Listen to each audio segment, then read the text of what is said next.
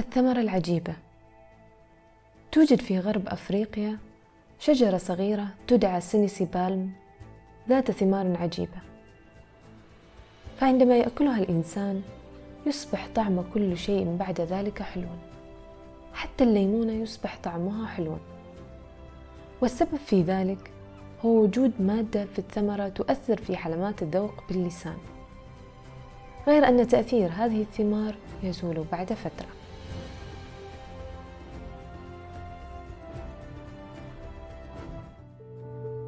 مرة ذكرت لي أختي إنها راحت مركز صحي. وكالعادة تفتح ملف الاستقبال وتعالج وتأخذ أدويتك وتروح. العجيب والملفت في هالأمر هي الصيدلانية.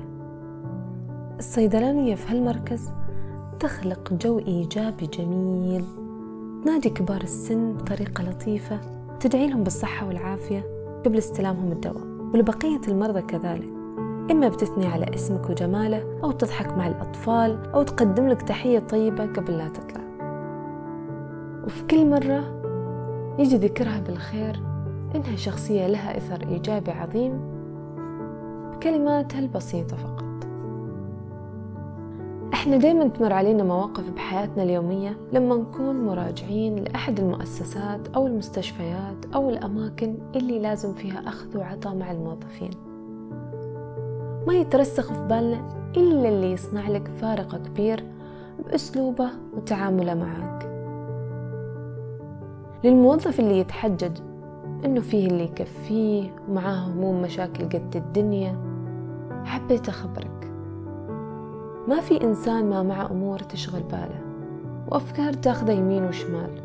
ممكن هالصيدلانية اللي ذكرتها بالبداية معها كثير أشياء شاغلتنها وتفكر فيها. لكن اختارت تزرع الحب والإيجابية في داخلها وتعطي الناس الثمرة العجيبة من كلماتها وأسلوبها وتخليهم يعيشوا بشعور رائع حتى لو كان مؤقت. هي صحيح ما راح تشفيهم ولا تسكن آلامهم أو تخفي مشاكلهم الصحية بس على الأقل صنعت فارق وخلت المر بأسلوبها حلو. كلماتنا مثل البذور نزرعها لحظة ننطق بيها. إذا كنت حاب التفاح فأكيد راح تزرع بذور التفاح. وإذا كنت حاب البرتقال فأكيد ما راح تزرع بذور الصبار لأنك تجني ثمار البذور اللي زرعتها. فيحتاج تفكر صح بنوع البذور اللي حاب تزرعها. الكلمة لما تقال بالطريقة الصحيحة قد تغير تفكير شخص وتغير حتى اللي يؤمن به. عندك القدرة أنك ترتقي بشخص من الحضيض تصنع منه شخص ناجح أو تدمر سعادته باستخدام الكلمات فقط. أنا مؤمنة جدا بقوة الكلمة. كلمة واحدة ممكن إنها تلهم أو تكسر. ممكن إنها تجرح أو تجبر. كلمة واحدة ممكن إنها تسعد نبضات قلب ممكن إنها تقتلهم